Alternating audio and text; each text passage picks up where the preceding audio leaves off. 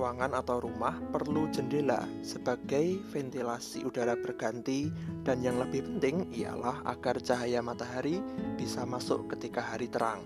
Selain hemat energi karena tidak perlu menyalakan lampu, cahaya matahari yang masuk ke dalam rumah itu membuat sehat penghuninya. Tetapi masuknya cahaya itu juga tergantung dari keadaan jendela itu.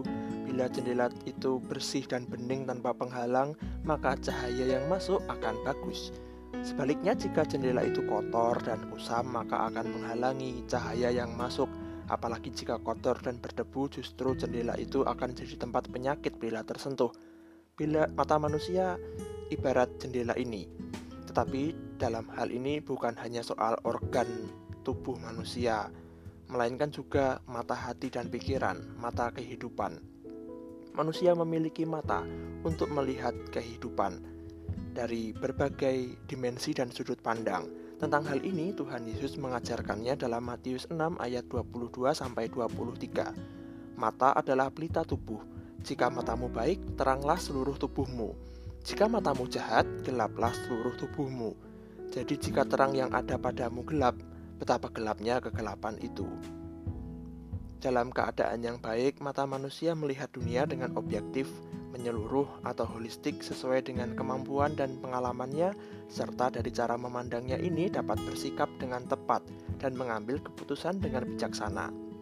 Tetapi ada beberapa hal yang dapat menghalangi penglihatan yang baik dan benar. Hal-hal berikut harus disadari untuk dihindari. Pertama, soal prasangka atau prapaham yang kuat. Manusia sering begitu mudah menilai berdasarkan anggapan yang telah diyakini sebelumnya atau sekadar menilai dari yang terlihat luar atau sekilas saja. Penilaian dangkal ini sering kali tidak menolong dalam membangun perspektif dan sikap yang baik dan tepat. Prasangka dan prapaham bisa menjebak orang dalam penilaian yang keliru terhadap sesuatu.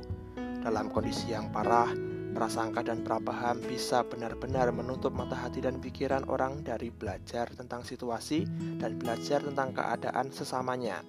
Padahal mempelajari situasi dengan baik adalah salah satu dari hikmat. Kedua, iri hati. Iri hati adalah kurang senang melihat kelebihan dan kebaikan dalam diri orang lain.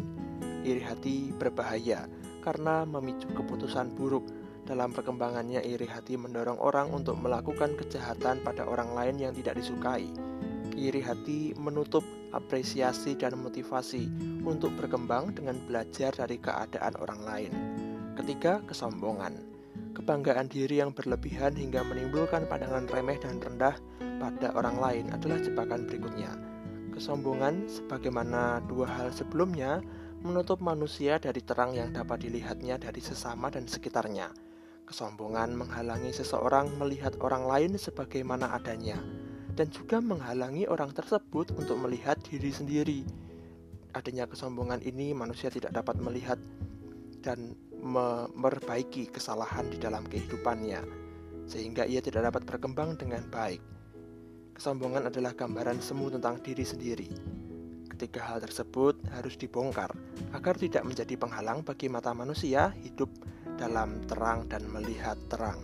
Kita sebagai murid Kristus dan setiap orang harus menjaga kebersihan mata kehidupan untuk dapat melihat dan hidup dalam terang Kristus senantiasa.